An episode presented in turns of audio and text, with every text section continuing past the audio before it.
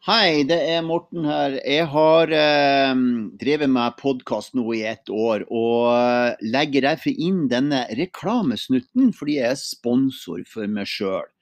Og den 21. januar så har jeg tatt tak i meg sjøl og hoppa uti det, og skal stå på Storsalen på Kulturverket Flammen i Nittedal og kjøre en trekameraproduksjon med Markus Film og Jon Ellar Brekke. Kasper skal være med. Og vi skal ha en livesending hvor vi har eh, spennende gjester. Og vi skal ha tre timer med transformasjon og endringsprinsipper som hjelper deg å sette nyttårsforsetter og intensjoner for 2021. Så du er hjertelig velkommen. Gå inn på mortennygård.no så får du se mer av hva den kvelden innebærer. Hjertelig velkommen.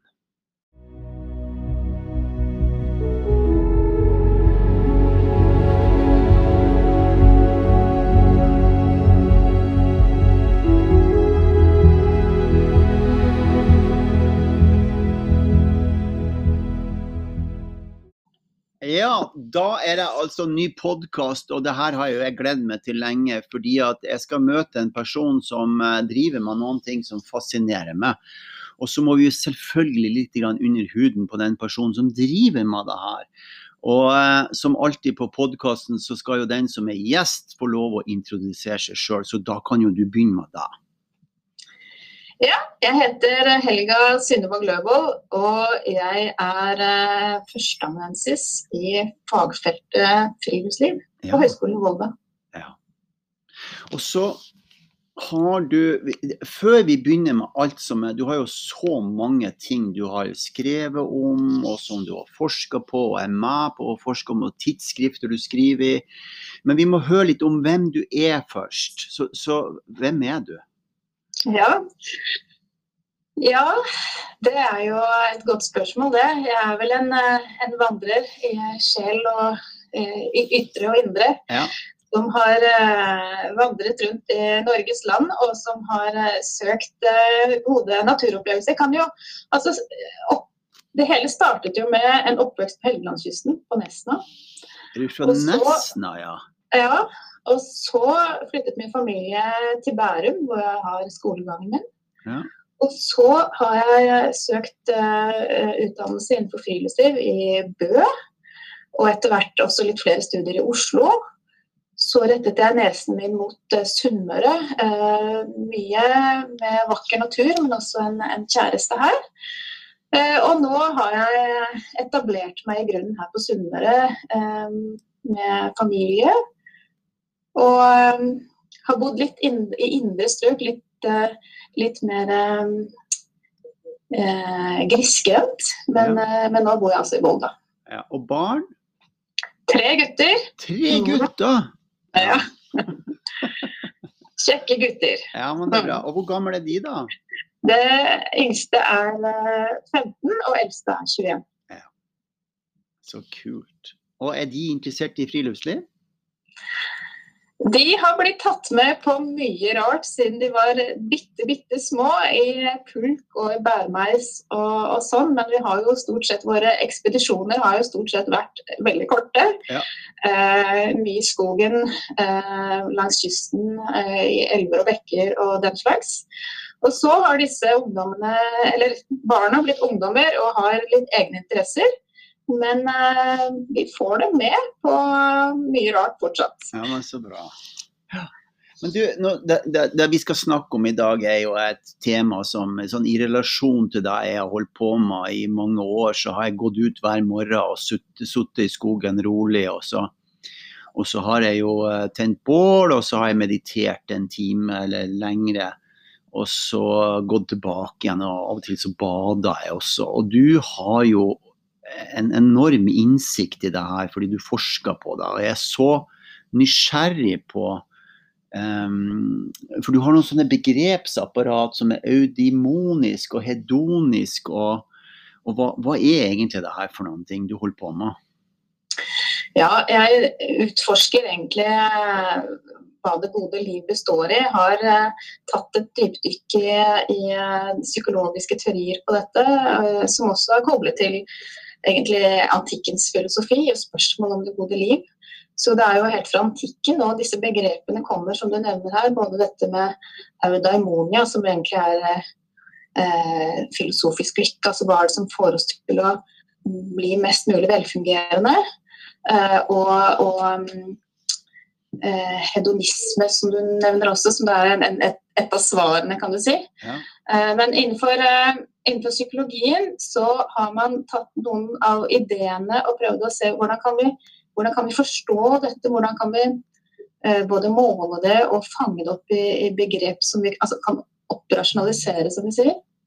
Og da, da, kan man si at det er to hovedlinjer eh, innenfor Eh, en forståelse av eh, well-being, eller det gode liv. Eh, og den ene er knyttet til opplevelsen av filosofisk lykke, som handler om altså, hva det innebærer å være et godt menneske. Altså, det handler om det å strekke seg, det å, å vokse og, og det å gjøre noe bra. Eh, og det å være god mot andre.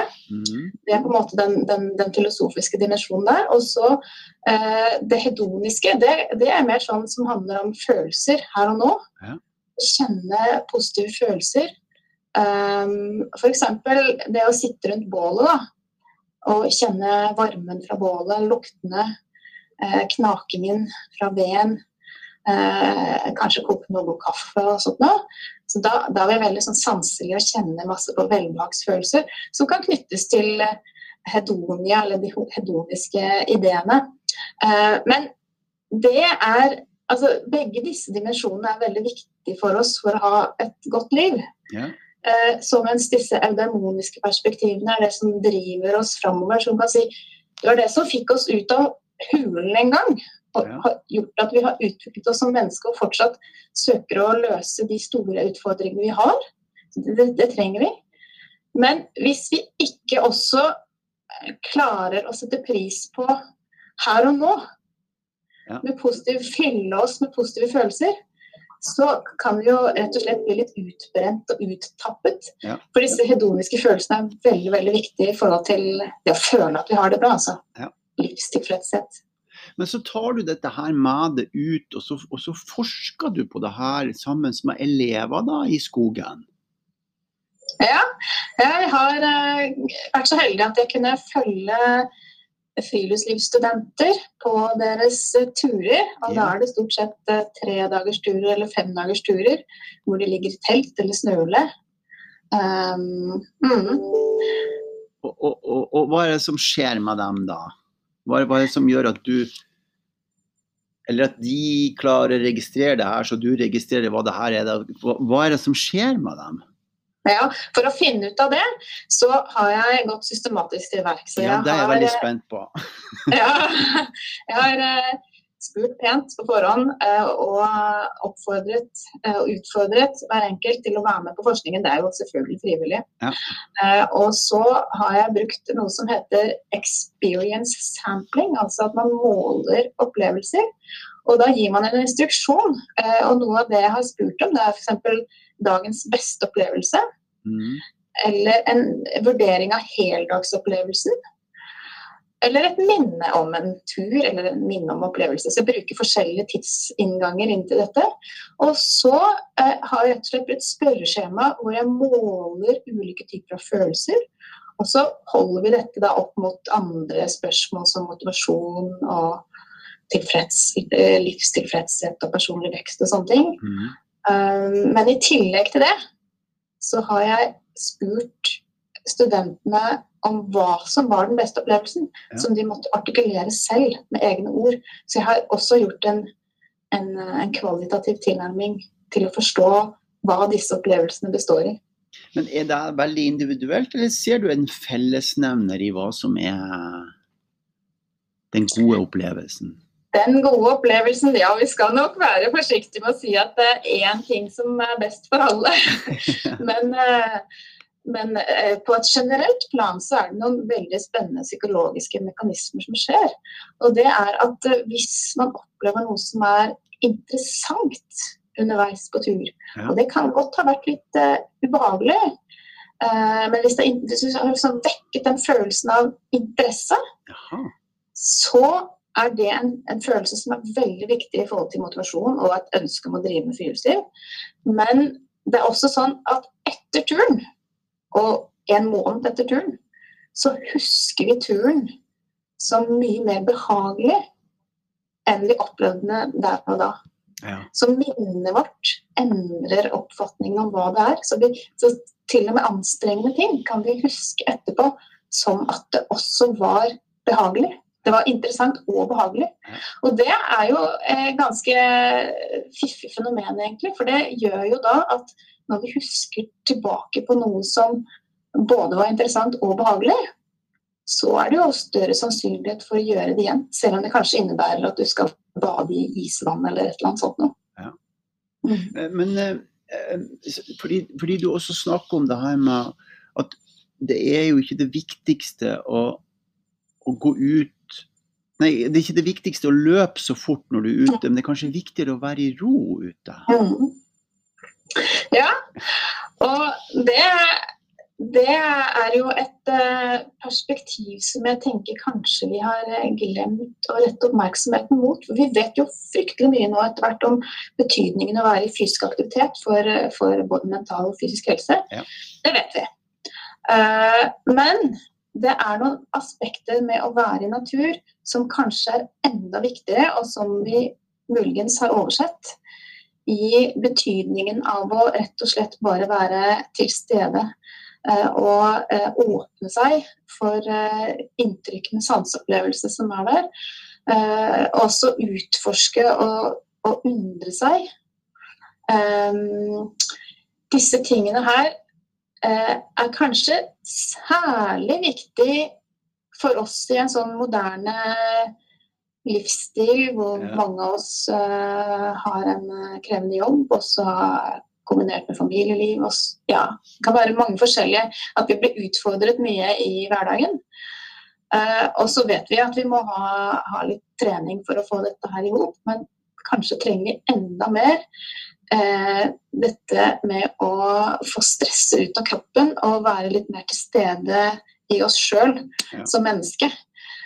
For det viser seg jo at altså skal, vi, skal, vi, på en måte lete etter de dype opplevelsene som er, som er viktige, som danner retning for hvem vi er, så må vi ta oss tid. Ja. Vi må ta oss tid til å være lenge i naturen uten at det skal skje så mye. Og hvis ikke vi lar dette få lov til å synke inn, så går vi glipp av noen fantastiske muligheter som vi har. Mm. For å ta inn naturen, tenker du, eller for å um, ta inn det sjøl.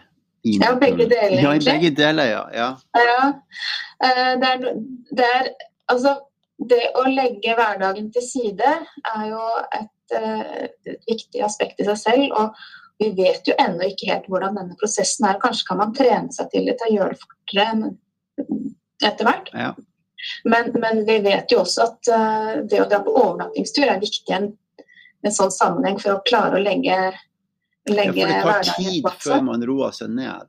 Ja, det gjør det. Ja. Men, ja, bare fortsett, du. Bare si også. Ja, og så Og så er det å være mottagelig for det som skjer. Ja. Åpne sansene. Eh, og eh, på en måte la seg begeistre av disse små detaljene. Ja. Det kan være det å legge merke til et tre som har en spesiell form. Mm. Sant? Eh, nå når det er høsten, så kan det være å finne noen fine isformasjoner. og liksom Stoppe opp og, og, og, utforske hva det der er. Undre seg. Ja. For det, det, viser seg at særlig dette med å undre seg eh, er en veldig sterk opplevelse som vi kan ha. Ja.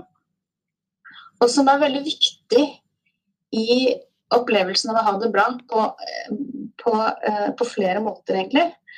Eh, så hvis vi på en måte da setter i gang med en dypere form for undring, så kan dette også knyttes til spiritualitet på den måten at det ikke, ikke, ikke, på den måten at det nødvendigvis at det handler om religion, det kan det jo gjøre for enkelte, ja, ja. men spiritualitet på den måten at man kommer inn i en måte å orientere seg hvor man søker etter mening, søker å finne en større sammenheng mm. med hvem man er og, og eh, forholdet vi har til naturen. Mm.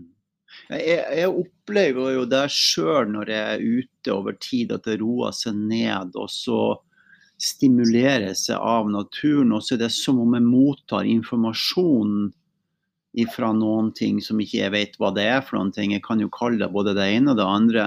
Og så fyller seg opp av det. Det høres jo veldig rart ut, da. Men, eh, og jeg har jo prøvd å forklare det her i mange år. Jeg syns det er så hyggelig å snakke med deg om det som har en som, som har forska på det, at det, at det faktisk, For det skjer jo noen ting med oss når vi er i skogen som er litt uforklarlig. Eller på fjellet. Det gjør det. Ja. Hvis vi klarer å åpne oss for det. Ja, så, vi, så på, på, den ene måten så må vi være åpne for det. For hvis vi ikke er det, så vil vi ikke ta imot det. Mm. Så hvis vi går med eh, hodetelefoner f.eks., så har vi jo utelukket for, i hvert fall for disse lydstimulerende tingene som kan skje. Ja. Eh, det er jo noe som er at Når vi tilbringer tid alene, så har vi kanskje enda mer varhet til å fange opp alle disse små tingene som skjer. Mm. Eh, det å legge merke til et ekorns lyder når det hopper i treet. Mm. Hvis vi går sammen med noen og prater, så har vi på en måte også lagt på litt sånn forstyrrelse i forhold til å fange opp det. Ja. Men du, nå, nå, har vi jo kommet langt inn i det her med hvem du er, og hvordan du tenker og hvordan du holder på. Og det er jo veldig fascinerende. Så ser det jo sånn at um, nå sitter veldig mange sikkert og, som, som, hører på det her og tenker Men hvordan gjør du det? Hvordan, hvordan finner du det ut, det her? Ja, i mitt eget liv, tenker ja, jeg på. Ja, ja, ja, ja, ja. ja. Jeg har jo stort behov for å være i kontakt med natur. Og jeg tenker at det har jo gjenspeilt veldig mange av valgene mine med hvor jeg har valgt å bo, og hvor jeg velger å være i feriene mine. Uh, og det at jeg nå har et eh, Jeg ser jeg har kontakt med fjorden hver dag. Ja. Og det gjør, det gjør, noe med meg. Eh, og jeg er i skogen hver dag. Jeg har også en hund som gjør at jeg er ofte i skogen eh, hver dag. Ja. um, og så er det perioder hvor eh, det, Jeg har jo opplevd perioder hvor jeg har hatt veldig stort eh, press på jobb, f.eks. Jeg skulle gjøre ferdig doktorgrad og sånne ting. Uh, og da merket jeg jo at uh, det å kombinere den, altså, den, aktiviteten som du får med å gå i naturen, med å, å sette meg ned og kanskje meditere litt, og kjenne, få igjen pusten, kjenne kontakt med pusten, ga meg en sånn type jording ja. eh, som jeg tror var helt nødvendig for at jeg klarte å stå i det ganske harde kjøret. Ja. Akkurat, ja. Mm. Men, men, men du, du, ble født på Nesna. Mm. Hvor lenge var du på Nesna? jeg bodde der i fire år. I fire år. Mm. Uh, og så har du vært tilknytta naturen. Når var det du oppdaga denne tilknytninga? Når, når merka du det, tror du? Ja, det, jeg tror nok det har vært ganske tidlig. Altså, nå har min familie har, har jo tatt meg med siden jeg var bitte liten. Ja.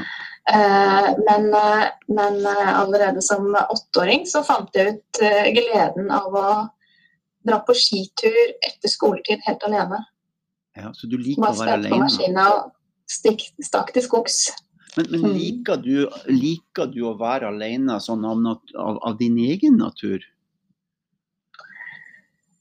Ja eh, Eller trenger du det? Hæ? Eller trenger du det?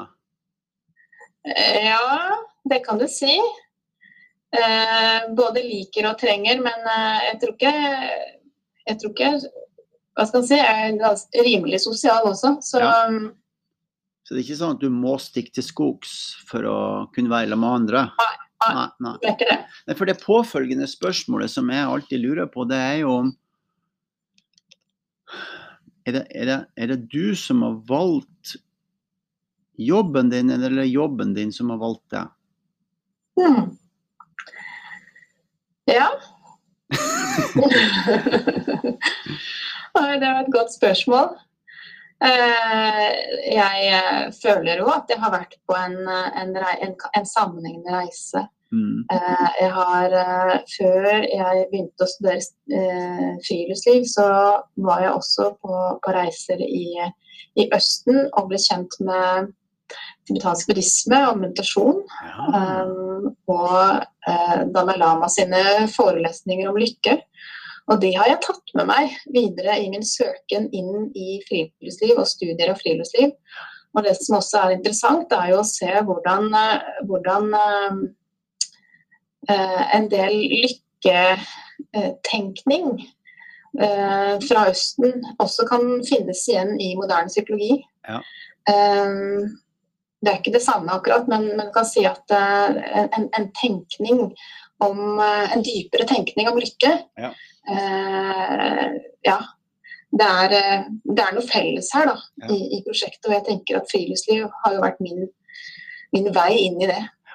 Jeg, jeg, tenker også sånn um, at jeg har tilbrakt veldig mye tid Jeg kommer jo også fra Helgeland, da, fra Mosjøen uh, opprinnelig. Og så har jeg jo blitt uh, eksponert for mye natur, og så har det vært borte en stund. Og så ble det veldig mye igjen når jeg begynte å lære meg, også som du ser da fra Østen, og meditasjonsteknikker og sånn. og så reiste jeg og besøkte munker og, og har, har, gjort mange forskjellige ting. Men den store jeg vil si den store endringa den skjedde når jeg kom hjem igjen og begynte å gå ut i skogen på nytt og opplevde det som et tempel. Mm. Eh, at det ikke måtte være en struktur på tempelet eh, og en struktur på den formen for, for, meditasjon som var i et system, men at det faktisk, når jeg gikk ut i skogen og gjorde det på, på norsk, holdt jeg på å si. Så fikk jeg enda større tilgang til det spirituelle enn når jeg satt i et tempel.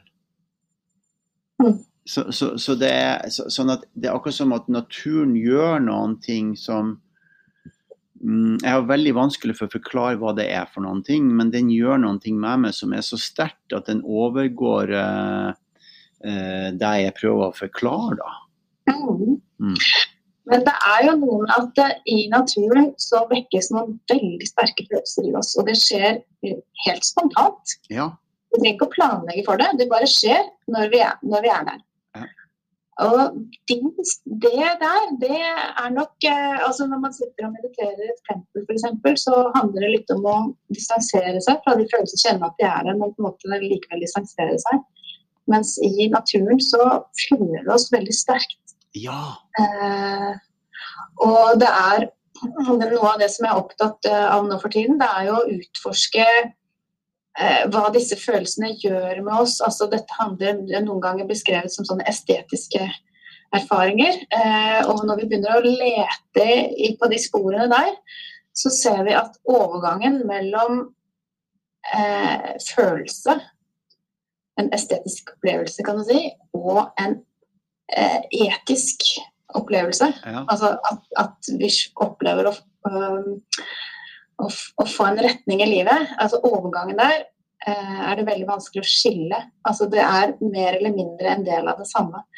Så når vi har veldig sterke opplevelser av, i naturen, og det kan f.eks. bare være å møte Se mot en fjellvegg som kan se ganske gold ut, som er full av vann og ser liksom uh, ugjestmild ut, altså som et gufs. ikke sant? Ja. Kan like gjerne være en sånn type følelse som setter eller eh, opplevelse som setter i gang noen veldig sånn sterke følelser. Sånn, på, på, engelsk så bruker man ordet Å til å beskrive, eller A ah, til å beskrive disse opplevelsene. AWE. Uh, på norsk, hvis vi oversetter det direkte, så er det ærefrykt. Ja.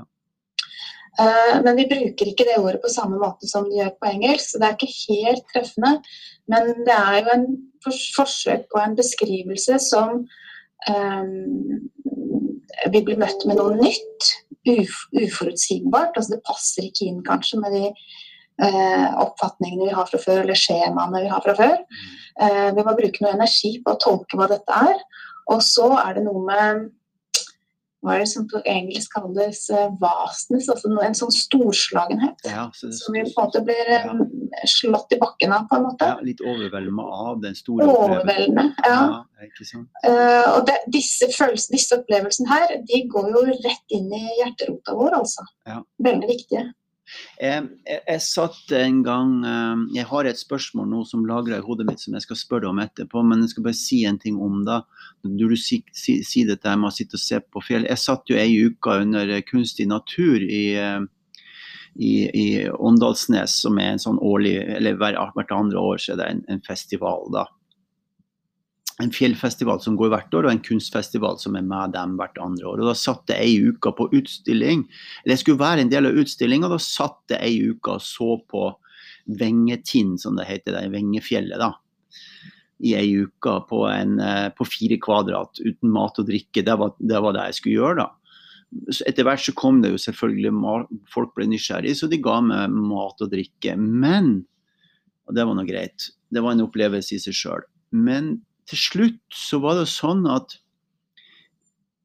for I begynnelsen så, så jeg veldig mye rart i fjellet. Altså jeg så jo, følte at jeg så tegninger når det ble skumring, og jeg følte at jeg så eh, figurer og sånn. Men eh, når det har gått noen dager, så var det sånn at jeg så ikke på fjellet, men det var fjellet som så på meg. Mm. Og så sier jeg at det er en åndelig opplevelse.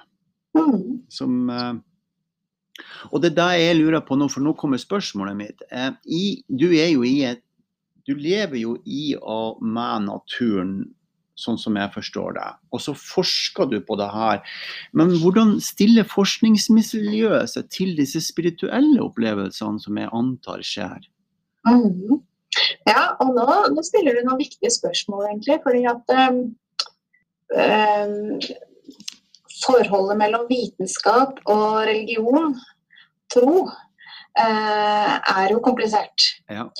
Eh, og, og, og, veldig mange, og det ser jeg faktisk i, i mitt eget datamateriale også, mange eh, forklarer disse sterkeste opplevelsene som religiøse opplevelser. Som, som, man har opplevd som religiøse opplevelser, og at man på en måte styrker sin tro gjennom dette. Um, men samtidig så går det an fra et vitenskapelig altså Mitt perspektiv er jo å følge det vitenskapelige sporet. Ja. Jeg har jo stort sett på meg psykologiske briller når jeg går inn i feltet. Eh, men jeg prøver å være tverrfaglig orientert. Jeg prøver å være liksom, få ta inn over meg uh, ulike faglige perspektiv som kan berike tolkningen. Så derfor så, så samarbeider jeg også med teologer. Ah. Eh, så vi utforsker jo spiritualitet i et tverrfaglig fellesskap mellom psykologi og teologi. Dette er et veldig spennende sted å være. Ja, mm. ja, det, ja det, er veldig spennende. Uh, um, og, da, og, da, kommer vi til neste, som jeg, jeg vet at du kommer med en, en ny artikkel snart om uh, en forskningsprosjekt uh, i forhold til noen som har gått på pilegrimstur til Santiago. Mm. Og, og, jeg har jo sjøl gått uh, til Trondheim både på vinter og sommer sammen med min venn pilegrimsprest Einar Vegge, som, mm. uh, som tilhører jeg vil si, uh, altså Nidaros, da. Mm. Og, og, og, denne um, nærheten som han også har til natur, og som jeg har. Også denne fascinasjonen av å gå mot et mål. Mm. Som egentlig ikke er et mål, men som er en reise underveis. Mm. Så, så, jeg har veldig lyst til å høre om, uh, hvis vi kan, jeg vet ikke om du må vente på den artikkelen først, eller kan du si noe om dette her? Ja, ja, jeg kan si litt om det. Altså, det vi har eh, gjort her, det er å følge en gruppe som ble tilbudt pilegrimstur som en del av uh, en satsing på uh, psykisk helse. Ja. Altså personer som har litt, eh, opplevd litt tøffe, tøffe tak eh, i livet, og som har blitt tilbudt dette som en del av det offentlige tilbudet, kan du si. Mm. Um, Og det vi har sett da, da har vi gjort et veldig sånn omfattende forskningsdesign på det. Vi har, noen, vi har gått inn på dette som heter subjektiv livskvalitet. Vi har målt rett og slett tilstand før tur, etter tur og en stund etter tur. Etter de har kommet hjem igjen altså fra turen. Og da ser vi jo at den pilegrimsvandringen har hatt til dels stor betydning for den enkelte. Ehm, det er kanskje ikke så rart å tenke det, men det vi, har, det vi nå har gjort, er jo å liksom se på hva er det som skjer. Uh, og, og, er det sånn at alle opplever det samme type endring, eller er det ulikheter?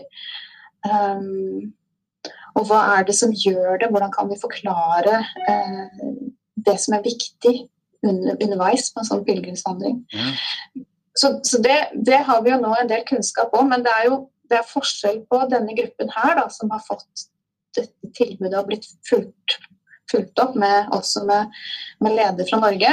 Det er forskjell på det og en som går som søker pilegrimsvandring på egen hånd. Ja. Og går det alene, eller med venner. Mm. Mm.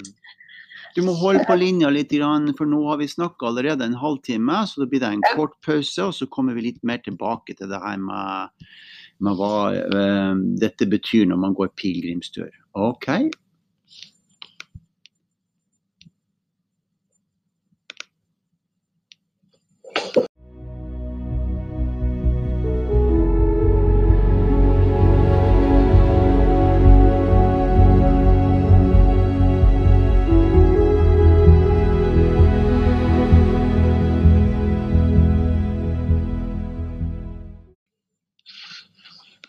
Ja, da er vi tilbake med Helga, som uh, forklarer om dette her med uh, en gjeng som har gått pilegrimstur.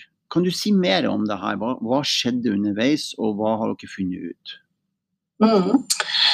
Det vi fant ut, var at uh, før, ja, før, før, turen begynte, så viste jo målingene at gjennomsnittsverdiene på sånn som livstilfredshet og noe som heter mental well-being. Eh, de var litt lavere enn i befolkningen ellers. Så det, det, var jo på en måte det vi forventet, for det, vi visste jo at dette er personer som har fått en del ekstra utfordringer i livet. Mm. Men i løpet av 14 dagers periode, 14 dagers vandring, så var altså nivået på uh, gjennomsnittet da, for livstilfredshet og mental well-being var altså helt oppe på befolkningsgjennomsnittet ellers. Det er helt fantastisk at det er mulig å få til en så stor endring på kort tid. Og det handler bare om å gå denne turen i en gruppe, da. Så det er jo fantastiske resultater i seg selv.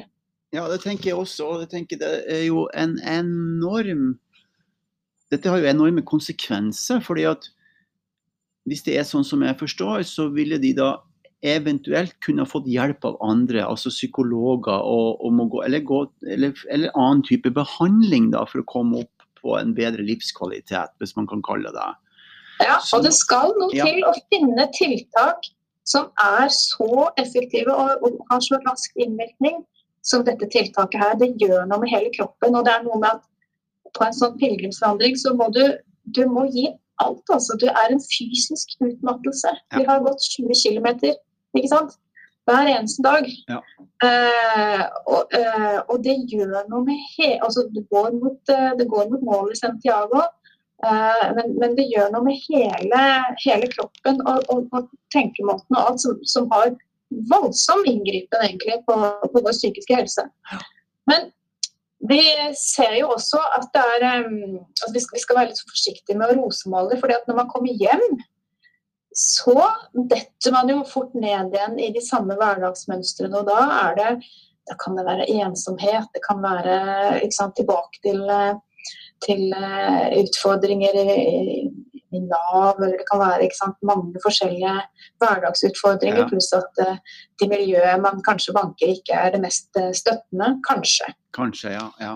Kanskje. Men til tross for det, til tross for det, så ja. ser vi at effekten av denne pilegrimsvandringen, den henger ved. Ja. Det er en positiv, positiv, endring som følger med. Ja. Eh, også en måned da, etter, eh, etter dette. Men vi vet ikke ennå langtidseffekten av å være med på det. Men det vi også ser, er at eh, pilegrimsturen har betydd forskjellige ting.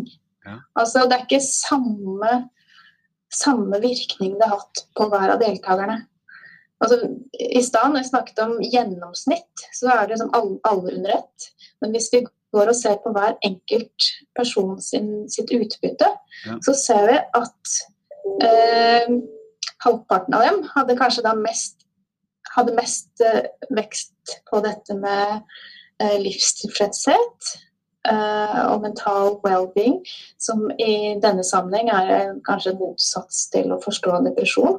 Ja. Eh, mens den andre halvparten eh, ikke hadde vekst på det området, men hadde mer en personlig vekst, som kanskje kan knyttes til helt spesielle opplevelser underveis. Og, og dette som vi snakket om i stad, dette med å på en måte få den dype verdi eh, en, en, dypere verdiorientering i mm. kraft av å ha på en måte møtt dette, disse litt store følelsene og store opplevelsene. Vi kaller gjerne også dette den sublime dimensjonen. Det er et vanskelig ord. Men det handler om å komme litt dypere innpå eh, opplevelser av natur og mm. opplevelser av seg selv. Um, jeg gikk i vinter, uh, og da Jeg måtte jo gå ned, for jeg gikk en sånn pilegrimstur som skulle gå fra Oslo til Trondheim. Og så gikk jeg på fjellet. Uh, og så skulle vi skulle spise lunsj, og vi gikk i stillhet da hele dagen. Og gikk med han ene Vegge og en, en, annen gjeng da, og bar på pulk og alt sammen. Og ble jo sliten og trøtt. Og så skulle vi spise lunsj, og så begynte vi å tenne bål, alt sammen uten å snakke. Og så fikk jeg altså Jeg tror jeg lo i fire, fem, seks minutter i ett strak. Jeg fikk en enorm release. Altså, det var som om det var som det var noe som slapp inni meg. Og da tenker jeg at eh, da kom jeg i kontakt med dette subtile det, Dette er noe inni meg som et annet univers enn det universet som jeg vanligvis opererer i. Mm. Som var en Igjen da, vanskelig å forklare hva det er som gjør det. Og det er det som fører meg til neste spørsmål. Hva, hva, hva er det for noen ting som gjør det her, tror du, mm. Helga? Mm. Ja, og det er jo store spørsmål. Uh, og jeg tenker at i forskningen så er vi bare helt i startfasen med å prøve å forstå uh, våre begreper og våre tilnærminger. Men det var veldig artig at du nevnte dette her med latter. Ja. For det, det er jo noe vi også har funnet i materialet vårt. altså Når vi nå skal, har, har, har uh, intervjuet alle deltakerne i etterkant. Ja. Og som, hvordan de opplever turen i det store og hele.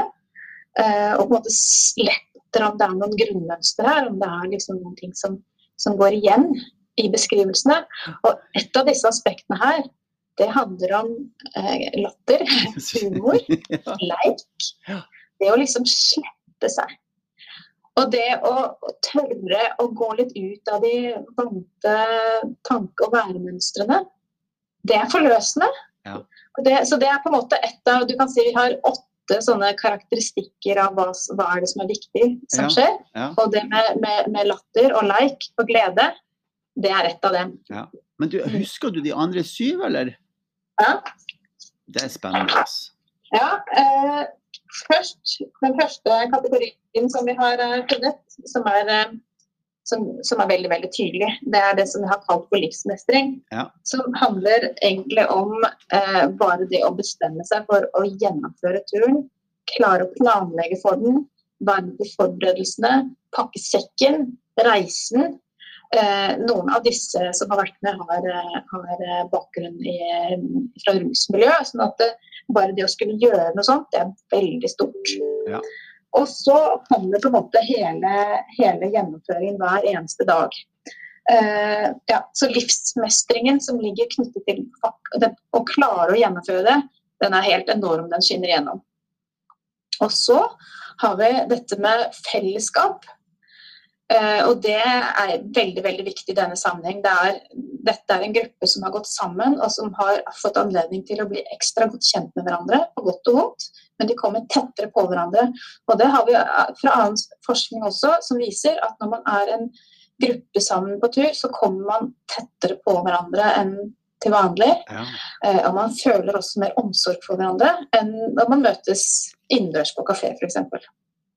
Så, så det er noe med, med, det å være sammen på tur som er veldig, veldig viktig her.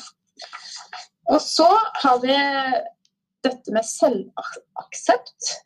At uh, gjennom turen så har de fått et annet syn på seg selv.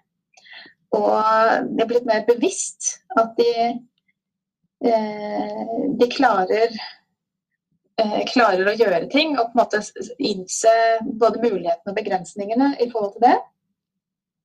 Og vi har utsagn som f.eks.: Jeg har følt at jeg har vært meg selv på turen. Og dette er personer som kanskje da òg eh, i en eh, tøff hverdag kanskje må mer inn i en rolle. Går inn i roller for å prøve å opprettholde ja, en forventning på en eller annen måte. Så har vi dette med at uh, det er noen fysiske utfordringer. Det blir omtalt av, av alle sammen. At uh, uh, mange har blitt overrasket over hvor, hvor, bra kroppen egentlig virker. Man kan føle at man er helt aldeles utmattet.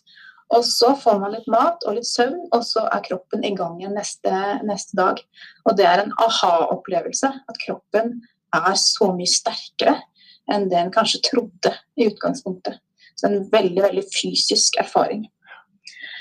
Så er det dette med sanseopplevelser som, eh, som, beriker. Det å åpne seg. Altså, det har jo det elementet med å være lenge på tur, så hverdagen kommer jo eh, veldig tydelig på avstand her.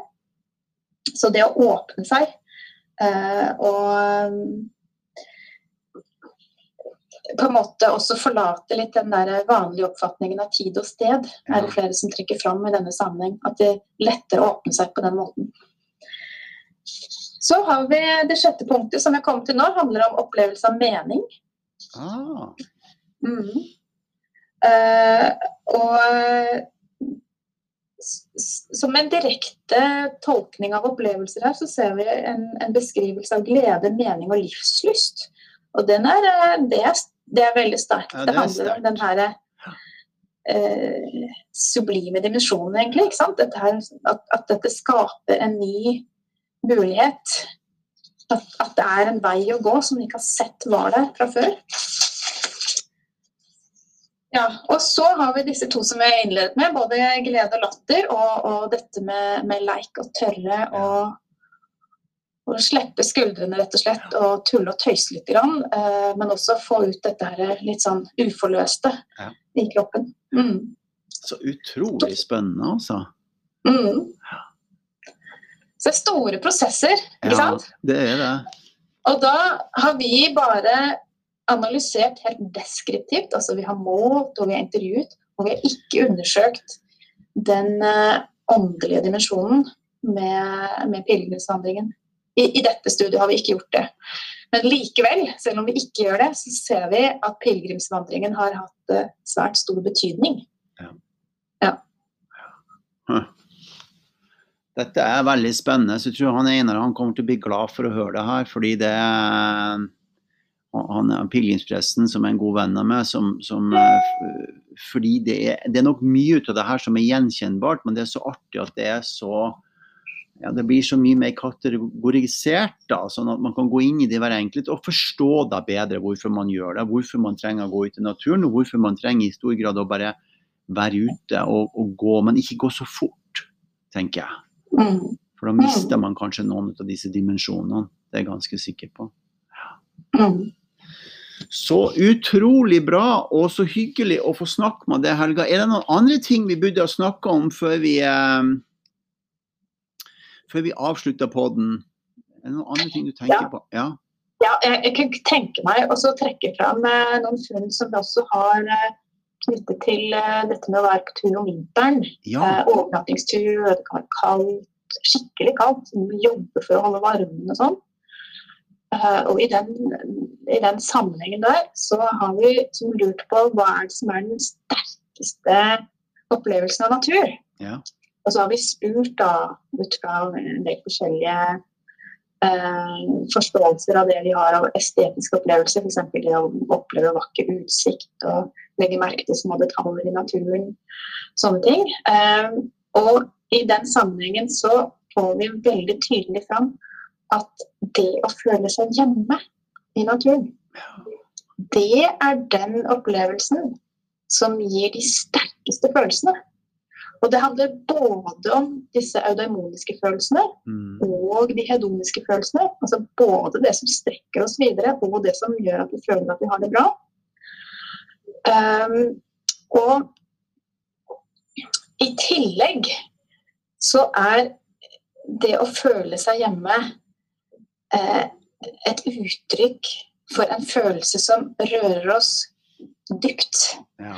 På den måten at altså, både det å oppleve retning i livet, men også så har vi jo sett at det er en kobling Unnskyld. mellom å føle seg hjemme og sette i gang en etisk bevisstgjøring. Ja. Eh, så det å altså vi, I utgangspunktet så hadde vi ikke lagt noen føringer, vi bare spurte helt åpent og anonymt. ikke sant? Og så finner vi at det er det å føle seg hjemme som er den sterkeste opplevelsen emosjonelt, og som på en måte er den som har mest driv i seg. Og da har man jo ikke snakket om skikjøring eh, eller spesielle ferdigheter eller aktiviteter eller det sosiale eller ikke, det, er ikke det som kommer fram, men å føle seg hjemme. Og det, det opplever altså studentene da i løpet av en sånn type femdagerstur, delvis i, i, eh, krevende vær hvor man må um, kle godt på seg for å ikke, ikke streve, ja, ikke rett og slett. Ja. Mm. Og Det syns jeg er spennende, at det går an å finne denne følelsen uh, i en sånn, uh, sånn, sammenheng. Og jeg tenker at, at, det er et viktig spor å følge videre. Uh, filosofisk sett og teologisk sett så er det å føle seg hjemme med tanke på betydningen av friluftsliv og det å være i nærheten av natur i en sånn større sammenheng med, hvor vi beveger oss nå. Jeg tenker på det du sier, jo det som så mange meditasjonsformer eller andre former for bevisstgjøringsprosesser. Det er jo det jeg mm. hører stadig vekk når jeg intervjuer folk og som jeg jobber med sjøl. Og det er jo hvordan kommer jeg hjem til meg sjøl? Hva gjør jeg for å bli meg selv? ikke sant? Så, så det høres så um, naturlig ut når du sier det, at, at, at, det er det som betyr mest, at vi kommer hjem til oss sjøl. Mm. Og at naturen er sånn enorm eh, påvirkning på deg. Ja, og det, jeg tenker det er både hjemme i seg selv, men det er også den følelsen av å være hjemme i natur. Ja. Som en mer enhetlig forståelse. Ja. Uh, og det Jeg syns det har vært et, uh, en sånn veldig inspirerende uh, del av min forskning. For tidligere, for mange år siden, så trodde jeg vel kanskje det at bare du har noen positive opplevelser i natur, ja. så blir du på en måte mer etisk bevisst. Ja. Men jeg har skjønt at det, det er jo ikke sånn. Eh, men, men, det funnet her med ak akkurat den dimensjonen som handler om å føle seg hjemme, mm. det skjer. Ja. Og når vi på en måte rendyrker det litt, så tenker jeg at vi får fram så mange dimensjoner som handler om både det å ha et mer velbalansert eh, liv sånn her og nå, men, men, som også handler om en mer bærekraftig tilnærming og en, en, en eh, Man kan snakke kanskje til og med om at på den måten så kan friluftsliv ha en sånn transformativ eh, mulighet. ikke sant? Altså Eh, det er en dybde som ligger der. Hvis vi klarer å være nysgjerrig og utforske hva det innebærer å føle seg hjemme. Mm. Fantastisk, altså. Du, så flott å høre på deg. Takk. Det, hvis at lytterne hadde sett deg jeg ser nå, så ville dere ha sett at Helga hun blir bare varmere og varmere. og, og, og prater med, Jeg hører jo at du prater mer og mer, men det er helt tydelig at dette her er virkelig noen ting som betyr noe for deg, altså. Ja, det gjør det. Og så tenker jeg jeg tenker jo det at uh, selv om mitt fagfelt er friluftsliv, så er disse perspektivene Det handler ikke egentlig bare om et fagmiljø, det handler egentlig om kunnskap om hvordan vi som mennesker kan ha det bedre ja. i den verden vi lever i akkurat nå. Da tror jeg du er en stor inspirator for meg i det du holder på med. Virkelig, altså. Ja. Så bra. Helga, tusen, Helga Synnevåg Løvold, uh, så har vi fått med hele navnet. Uh, du er forsker og jobber i Volda og har uh, mange prosjekt foran deg. Og du skriver artikler, så her er det bare å følge med.